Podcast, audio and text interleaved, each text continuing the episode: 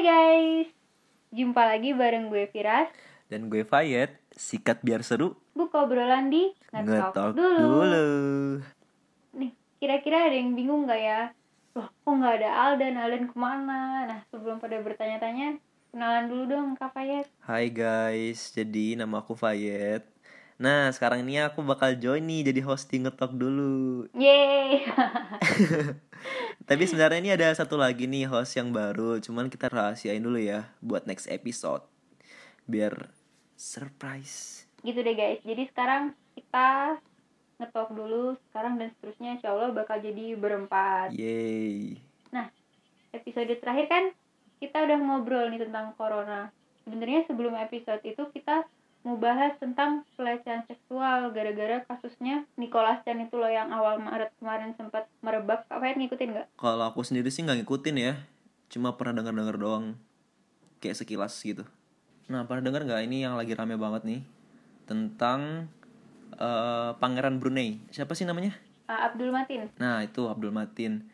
Nah, itu tuh termasuk pelecehan juga loh sebenarnya. Oh iya, padahal padahal kirain perempuan doang yang kena. Ternyata laki-laki juga rentan. Iya, apalagi kalau kalian ngecek komentar di Instagramnya Pangeran itu wah gila sih apalagi sampai merembat ke akun pacarnya juga cuy. Jadi kayak pacarnya Pangeran ini katanya sampai harus nge kosongin kolom komen tuh gimana namanya? Kosongin kolom komen. Sama nge-private ac- ah, sama nge-private account juga ya, Nah, iya. gitu. Yap, bener. Nah, kalau misalnya kita mau bicara survei nih dari Koalisi Ruang Publik Aman atau KRPA, jadi tiga dari lima perempuan serta satu dari sepuluh laki-laki ini pernah mengalami pelecehan di ruang publik. Serem ya? Iya, wah. Tapi sebelum kita mau bahas lebih jauh nih guys, pelecehan seksual itu emang Hmm. apa sih? Apa tadi yang kayak eh, ceritanya Pangeran Abdul Matin itu termasuk pelecehan seksual? Jadi pelecehan seksual itu adalah eh, bisa diartikan sebagai rayuan seksual yang tidak dikehendaki penerimanya dan bersifat searah. Dan rawian itu juga bisa macam-macam ya bentuknya yang kayak dari fisik langsung atau secara halus atau secara terbuka atau secara verbal juga. Jadi macam-macam gitu guys bentuknya. Ya, berarti kalau misalnya ada yang kena catcalling nih, terus ada yang ngomong, ih harusnya lu bangga dong kena catcalling, digodain kan berarti lu cantik. Eh, padahal Nah, kalau ada itu orang kayak gitu banget ya. diapain tuh kak? Fire aja langsung ya. Kan kayak gitu jelas-jelas Iya. pelecehan seksual, Kak. pelecehan seksual kan. Enggak, berarti yang enggak enggak, berarti yang yang ngomong kayak gitu berarti nggak pernah di calling, coy. Iya ya sih? Soalnya kalau gue mengalami sih gue merasa direndahkan. Bukannya gue malah bangga. Bener banget. Oh ya guys, jadi kemarin kita sempat buka G-form gitu buat teman-teman kaum pria yang pernah mengalami atau melihat teman lelakinya mengalami pelecehan pelecehan seksual biar kita tuh benar-benar sadar nih bahwa kasus pelecehan seksual terhadap laki-laki ini benar-benar terjadi sih di sekitar kita. Oh ya gue ya, kita juga mau ngucapin makasih buat yang mau ngisi, kita apresiasi keberanian kalian buat mau nebarin awareness ini bareng-bareng. Nih siapa yang mau baca cerita pertama duluan nih? Aku dulu nih. Iya. Jadi, Aku menghargai yang lebih tua. oh iya dong. Makasih loh. Jadi, ceritanya eh, si responden ini ngomong. Jadi, respondennya ini SD, lagi SD atau SMP nih. Banyak temennya manggil dia tuh dengan sebutan banci. Dan dia tuh kayak nggak pernah merasa baik-baik aja dengan sebutan itu. Terus dia tuh dia tuh dipanggil gara-gara eh, dulu tuh ada sinetron yang populer banget dengan istilah banci kaleng. Nah, dia ini tuh tipe orang yang nggak suka sama permainan cowok kayak sepak bola. Terus logat bicaranya tuh juga kayak lenje gitu. Ya pokoknya kayak kurang maco. Padahal nggak salah ya nggak suka permainan cowok. Ya nggak salah juga sih sebenarnya. Terserah dia lah ya. Nah, ini termasuk anak yang cengeng dan pemalu. Terus banyak yang manfaatin gitu kalau kayak ngejek dia sampai dia nangis. Padahal yang ngejek ini tuh dia nggak kenal. Kayak dia nggak pernah ngobrol juga sama orang itu. Terus pas dia eh, jajan gitu, kayak lewat lewatin kelas gitu, dia sering dipanggil tuh kayak disiulin, kayak cat calling tapi dikata-katain misalnya kayak woi banci lewat-lewat. Padahal itu kayak nggak ada masalah gitu loh sama mereka. Mm-mm. nah dia tuh nggak berani bilang ke ortu masalah ini sama dia juga nggak dia juga nggak nggak berani ngomong ke gurunya karena Kenapa tuh? eh, kayak guru-gurunya itu juga kayak ngerasa oh, ya udahlah itu masalah anak kecil biasa ya udah nggak usah digubris lah. Jadi dia tuh kayak silent aja kasihan nah ini yang paling parah nih. Dia pernah di eh, hold hold tangannya sama kakinya sampai dia nggak bisa gerak. Terus celananya dia dibuka. Terus orang-orang yang segerombolan tuh lihat diknya dia. What the fuck? Di depan di depan umum sampai banyak anak cewek juga yang lihat. Wah itu parah banget sih. Terus dia tuh kayak sempat diajak gitu gara-gara eh, anunya itu kecil gitu loh kasian ya. Sedih nggak? Pasti. Pasti traumatis banget. Sedih banget cuy. Terus tuh kayak dia tuh nggak berani cerita ke orang tuanya dia. Sama yang dia bisa lakuin cuma nangis sendiri di kelas terus kayak nggak ada yang peduli gitu. Kayaknya banyak ya korban yang nggak berani speak up karena dia ngerasa ceritanya sepele. Padahal menurut Firas ini ceritanya udah hmm. serius loh. Maksudnya dia perlu pendampingan. Tapi emang kalau misalnya kayak anak SD SMP gitu apalagi di pergaulan cowok nih hmm? Kalau kayak kita ngelapor atau ngadu gitu ke guru kayak ngera- kayak diecengin bakal tambah diecengin jadi kayak orang lemah lah bakal dikucilin lah bakal dijauhin dari pergaulan lah. Jadi kayak apalagi dia cowok gitu ya? Iya jadi kayak serba salah juga cuy. Mau mau cerita apa enggak? Kalau kamu dari sudut pandang perempuan gimana tuh? Padahal ya nih Firas kalau misalnya sebagai perempuan Firas juga mungkin bakal ngerasa takut lah. Kan soalnya hmm. apalagi nih kalau misalnya kita ngomong nih beraniin buat eh, ngomong apa yang kita rasain otomatis kayak bisa aja kan kasus kita merebak terus nama Firas sebagai korban pasti bakal keikut dong. Yap.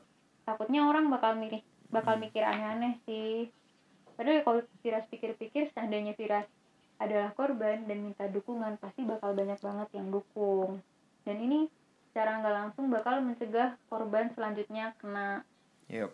apalagi di masa-masa remaja tuh kayak belum bisa mikir secara dewasa ya kayak ya udahlah kalau misalnya kena bully atau kena pelecehan kayak gitu ya jalan satu-satunya paling cuma diem atau terima aja gitu kayak nggak ada media untuk dia cerita juga cuy Oke guys, jadi cerita selanjutnya nih ada ini pengalaman temennya penulis sih. Jadi waktu kecil Doi ini pernah cuma berdua di rumah sama pembantunya. Terus tiba-tiba dia Hmm. dilecehkan secara fisik sama pemban- pembantunya. Dia nggak bilang sih di sini pelecehan fisiknya secara apa. Pokoknya dia sampai sekarang jadi trauma dan insecure sama yang namanya pembantu rumah tangga. Mungkin kayak kehilangan per- kepercayaan gitu kali ya. Yap. Oh iya. Ini juga ada data menarik nih terkait kasus apa tuh yang diceritain orang ini kalau misalnya di KPAI itu pada tahun 2018 ada 122 anak laki-laki dan 32 anak perempuan yang jadi korban pelecehan seksual. Ini jumlahnya timpang ya, maksudnya anak laki-laki jauh lebih banyak. Hmm.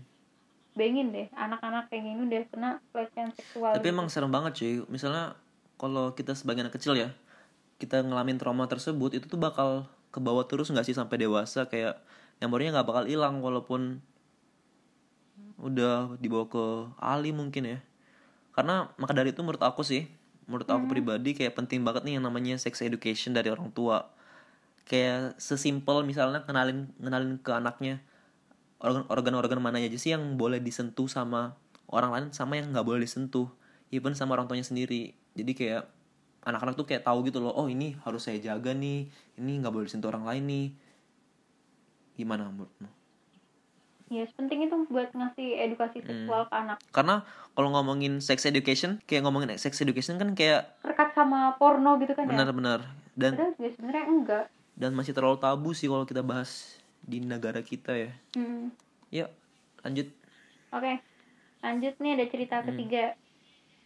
Jadi ini ada eh, ada seseorang doi ini dilecehkan saat Hmm. tidur. Pelakunya memanfaatkan kesempatan waktu korbannya lagi lengah gitu. Untungnya korban bisa mempersiapkan diri, tapi dia jadi dia jadi kayak trauma gitu dan jadiin pelajaran buat menjaga dirinya. Aduh, kok belibet ya ngomongnya. Yaudah, yaudah maaf Yaudah. lah ya guys. Ya pokoknya intinya gitu. Gimana nih Kak Fayat? kan belum selesai tuh cerita Udah? oh udah belum ah Oh udah. Oh iya, ini- dia juga korban juga pernah ini ceritanya dia bilang kalau misalnya dia pernah dicat mesum sama cowok. nah baru aku nyambung nih Ya, maaf ya kak. lanjut lanjut. Gak apa guys Namanya pemula guys Kita mah Eh kok jadi curhat sih Oke yang Tadi itu yang ngepap alat vital itu aku juga pernah ngerasain cuy Oh iya. Itu kejadiannya pas pas SMA gitu ada cowok nih nggak tahu nih dari mana entah berantah kayak nge DM gitu eh kayak ya udah kenalan biasa ngobrol biasa. Terus selama kelamaan nih agak-agak menjurus nih. Kayak udah mulai membahas tentang alat vital segala macam sampai paling parahnya sih ya sama kayak tadi kayak suruh ngepap alat vital. Dan respon aku sih langsung blok aja sih kalau dari aku ya. Nggak usah mikir panjang karena orang kayak gitu tuh kayak apa ya dia tuh kayak orang sakit aja sih kayak ngerti gak sih? Kenapa tuh? Enggak ya? Sakit kenapa tuh ya kayak orang kayak orang sakit aja gitu maksudnya Kayak mereka nggak gitu bisa sih? berpikir jernih hmm kelainan jadi kayak ya udah nggak usah ditanggepin lah kalau dari aku mah ya buat pengalaman lah ya buat kita semua sebenarnya kalau misalnya ada yang kirim pesan terus dia mulai nggak senonoh gitu dan kalian nggak suka ya udah bilang aja kalian nggak Hmm. suka biar dia nggak keterusan nggak makin macem-macem gitu atau kalau perlu blok Iya. kalian dan report waktu itu pernah ada sih kayak yang di Hmm. twitter jadi dia di DM aneh-aneh gitu terus orang yang punya akun nih langsung nge-spill orang yang DM aneh-aneh. Terus akhirnya mereka report pelaku rame-rame. Hmm. Tapi herannya sih sekarang udah nggak ada yang kayak gitu sih. Kayaknya ada. Di DM ku ya. Oh ya di DM kakak. Mungkin di DM orang lain banyak. Tapi kok saya malah nyariin ya? Iya. Lanjut kak. Lanjut ya selanjutnya ini kasus selanjutnya ini ada eh, korban lagi SMP eh lagi SMP pas SMP nah dia tuh naik angkot gitu. Terus duduk di depan. Dan dia nih sama penumpang lain karena yang di belakang tuh penuh gitu. Jadi bayangin gak sih kayak berdua di depan dempet-dempetan. Ya sebelahnya sopir. Terus dia ini nyimpan tasnya di depannya dia karena sempit kan. Hmm. Jadi kayak lebih cukup menutupi lah katanya. Terus lama-lama dia ini ngerasa kok ada yang kayak raba-raba daerah pahanya dia. Aduh. Dia kira tuh kakinya dia. Eh. Kok bisa nggak kerasa ya? Nggak ngerti. Dia kira kakinya dia kakinya dia sendiri karena emang sempit kan. Hmm. terus ternyata kok dia ngerasa lagi ada jari-jari yang raba penisnya dia cuy. Serem nggak? Serem ya? Iya terus dia bilang wak wak wak wak lumayan enak sih agak lama diraba agak lama dia raba-rabanya. Terus pas tangan dia udah mau buka resleting aku dia bilang aku kayak nolak gitu karena juga tempatnya lagi diangkot malas semangat kalau ketahuan begituan. Jadi terus habis itu dia dia ber- cuma takut kalau ketahuan ya. Nggak ngerti lagi mungkin kalau di taksi mungkin ya udahlah ya. Terus terus. Hmm. ya udah habis itu si pelaku ini minta berhenti dan minta turun karena nggak dikasih kan? Oh ya udah ketahuan lah ya. Nggak di, nggak nggak ketahuan lah gitulah. Terus bagi dia ini itu tuh kayak traumatis gitu. Enggak dia bilang Cuma ada- bagi aku nggak traumatis sih. Oh salah ya? Oh bagi dia nggak traumatis sih wow. Nggak bisa bayangin sih cuman ya ya udahlah ya. Mungkin emang mungkin emang jadi pembelajaran. apa? Nggak tahu. Ya cuma nih ada pesannya nih ada pesan menarik nih da- dari dia katanya dari kejadian itu, kejadian itu ya bijak. Dia bilang itu tuh bisa membuka wawasannya dia karena dari situ tuh dia tahu kalau di luar sana tuh banyak orang yang bisa aja orang itu kayak pedofil atau pembunuh atau penipu yang mau meras. Jadi buat dia tuh kayak lebih hati-hati gitu cuy. Emang pelaku tuh ya alhamdulillah ya ada ada lain kali harusnya kalau misalnya mulai ada yang iya ngeraba-raba harusnya dia langsung tolak ya. Iya, jangan sampai pelaku udah zaman sekarang nggak kenal tempat nggak kena. di transportasi umum kan ya ini tapi sebenarnya ini kasus di transportasi umum nggak cuma di angkot juga ya soalnya kalau misalnya kita perhatiin kayak berita gitu Hmm. di KRL juga banyak kasus-kasus serupa terjadi kayak waktu desek-desekan gitu Hmm. sering nggak kan naik KRL Oh, aku pernah banget sih tuh kayak des-desekan. Tapi sayangnya nggak ada yang raba. kayak kayak nggak ada yang raba. kok kok malah ngarep Malah minta ya. Ya gitu deh. Aduh. Next. oh ini masuk lan- kasus selanjutnya ya tapi ini panjang banget sih guys maaf ya kita skip skip skip kita ambil bagian intinya jadi ini doi ceritanya habis pulang kuliah gitu kan Hmm. terus capek jadi sampai rumah tuh langsung bobo gitu terus di tengah asik tidur ada temennya cewek Di tengah asik tidur. dia bilang eh Sherlock dong gue mau mampir gitu terus terus terus akhirnya si cowok ini Sherlock lah dengan keadaan tengah sadar. Hmm. setelah sampai si cewek ini terus mereka basa-basi si cewek ini minta izin kayak pengen nginep di situ karena udah kemalaman Hmm. alamat. Dan akhirnya ya si cowok iyain terus mereka tidurlah di kamar yang berbeda. Oh. Terus terus? Nah si cowoknya ini si korban emang biasa tidur tuh nggak pakai baju tidur dan nggak kunci kamar. Paginya jeng jeng jeng doi ngerasa ada kepala yang nyender di dadanya. Dan kayak ngerasa sensasi kulit ketemu kulit gitu loh. Hmm. dia bangun terus kayak ngerasa ada sensasi kulit ketemu kulit gitu loh. Terus dia bangun kaget. Soalnya ternyata si ceweknya udah tidur di kamarnya dia dengan cuma pakai pakaian dalam. Marah dia kan tapi dia coba tetap tenang dan minta ceweknya ini pulang. Waduh kalau kayak gini gimana menurut kak Fayet? Ah, no comment sih ya karena kalau ini ngebayangin aja ya mal pagi-pagi nih baru bangun lagi ngulet tiba-tiba eh ada yang pakai tank top nih sebelah. Kan kaget ya. Langsung lah kalau aku sih langsung suruh pulang nggak? kalau aku sih lebih ke ini sih mungkin dari awal nggak Sherlock sih. Sama atau enggak dari awal ya udah kalau misalnya oh, baik baik iya dong ini kan depan anak baik baik guys ini kan depan podcast harus baik dong. Terus kalau misalnya apa udah malam banget nih. Hmm? mending diajak pulang aja ke rumahnya dia. Eh Anterin maksudnya ya? bukan diajak nganterin pulang. Kenapa? Terus gimana? Ya udah habis itu udah balik lagi ke rumah. Ya tapi eh, walaupun ini kan tadi dia ceritanya si korban marah nih tetap jangan gegabah lah ya guys. Hmm. Tetap berpikir dengan jernih Iya. dalam menghadapi sesuatu. Cuman gini aku nggak habis pikir aja sama cewek ini. Kayak gila se wow itu ya tapi soalnya nggak cuma kan cewek emang kayaknya ada beberapa yang sampai berani orang itu tadi ada yang nge- minta PAP gitu-gitu juga kan cewek Iya sih. Cuma masalahnya ini tuh parah cuy. Tiba-tiba gitu. Pagi-pagi. Kalau siang-siang sih oke. Eh enggak ya? ya lanjut. nggak lah pokoknya tetap cowok sama cewek sama-sama bisa jadi korban oh iya tadi Yap. setelah kita bacain cerita tadi banyak kan Hmm. Firas pikirnya nih kalau misalnya kita kan ada orang kita lihat ada orang e, ngelakuin pelecehan seksual terus kita notice kalau bisa jangan tutup mata aja guys Yap. Benar-benar. soalnya tindakan yang kita lakukan walaupun ras walaupun rasanya kita sepele tapi itu bisa mencegah buat Terjadinya tindakan itu terjadi yap. Setuju, setuju. Kalau misalnya kita nggak berani bilang kan juga bisa ber- bilang sama orang lain biar orang lainnya itu nge ngapain lah gitu intinya Hmm. kita secara nggak langsung juga membantu bangkitnya kesadaran kalau misalnya oh kayak gitu nggak boleh loh nggak etis nggak menghormati seseorang ya mencegah Ya, walaupun pelecehan seksual itu terjadi lah intinya walaupun yang jadi korban tuh bukan kenalan kita ya, walaupun orang lain tapi tetap juga kita harus ambil tindakan lah. Intinya.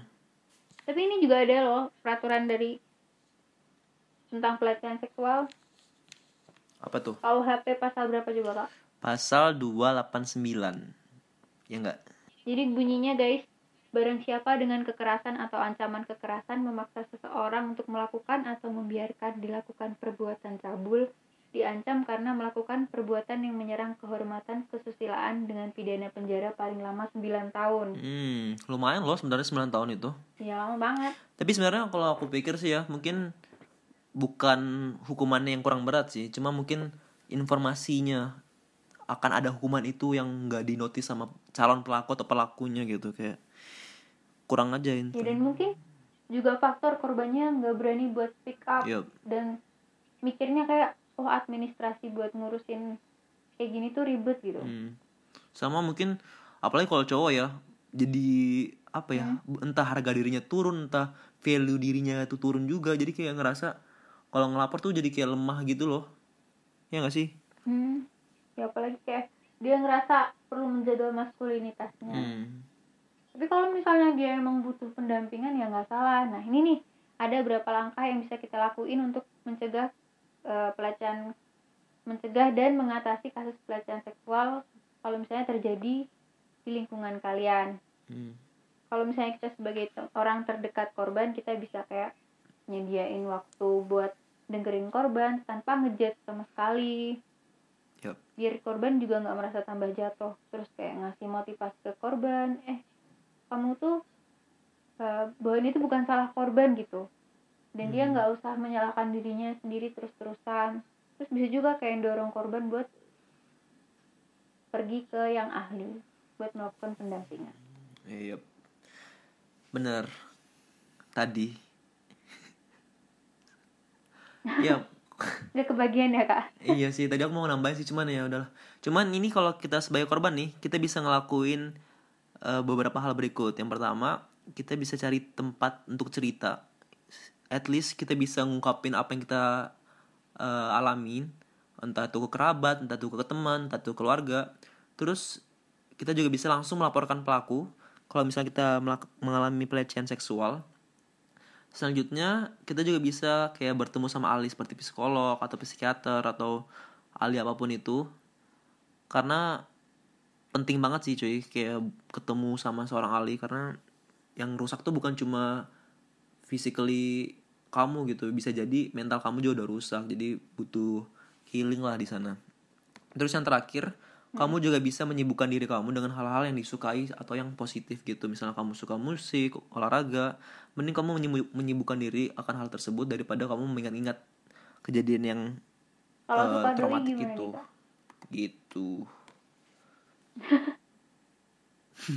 Nah, ini dari cerita tadi ternyata masih banyak banget ya orang-orang di luar sana khususnya kaum pria yang mengalami pelecehan seksual dan masih belum berani buat speak up Hmm. kayak yang cerita tadi kita bacain kan banyak yang belum berani buat ngomong kita harap pendampingan nih baik secara hukum dan mental buat laki-laki juga tersedia sebagaimana dukungan buat kaum perempuan tuh eksis Yup, setuju. Intinya kita sebagai kaum pria juga harus lebih aware sama apa itu sexual harassment, lebih peduli juga sama teman-teman kita, karena eh, dengan kita memberi, memberikan support kita kepada teman, itu juga bisa jadi sumber healingnya mereka buat bangkit lagi dari traumatic sexual harassment ini, ya enggak? betul. Nah ini ada terakhir ada kutipan dari dari Angelina Jolie ex Brad Pitt eh, punya empat anak banyak filmnya. Silakan Firas. Ah kak Fayat aja. Ada orang. Ayo kak Fayat udah lama nih. Ya jadi dia ngomong gini. Bismillah. We must send a message across the world that there is no disgrace in being a survivor of sexual violence. The same, the shame is on the aggressor. Ngerti nggak? ya ngerti ngerti Keren ya? jadi kita jangan nyalain korban lah ya karena itu semua salah pelaku Hmm. Gitu deh guys. Ya, sekian ya dari episode kali ini. Semoga ada hikmahnya ya. Ada nggak sih? ada lah ya. semoga ada semoga makin terbangun awareness di kita kalau misalnya pelecehan seksual itu bisa terjadi di mana saja dan nggak peduli itu perempuan atau laki-laki pasti itu mungkin bisa mengalami Yaps.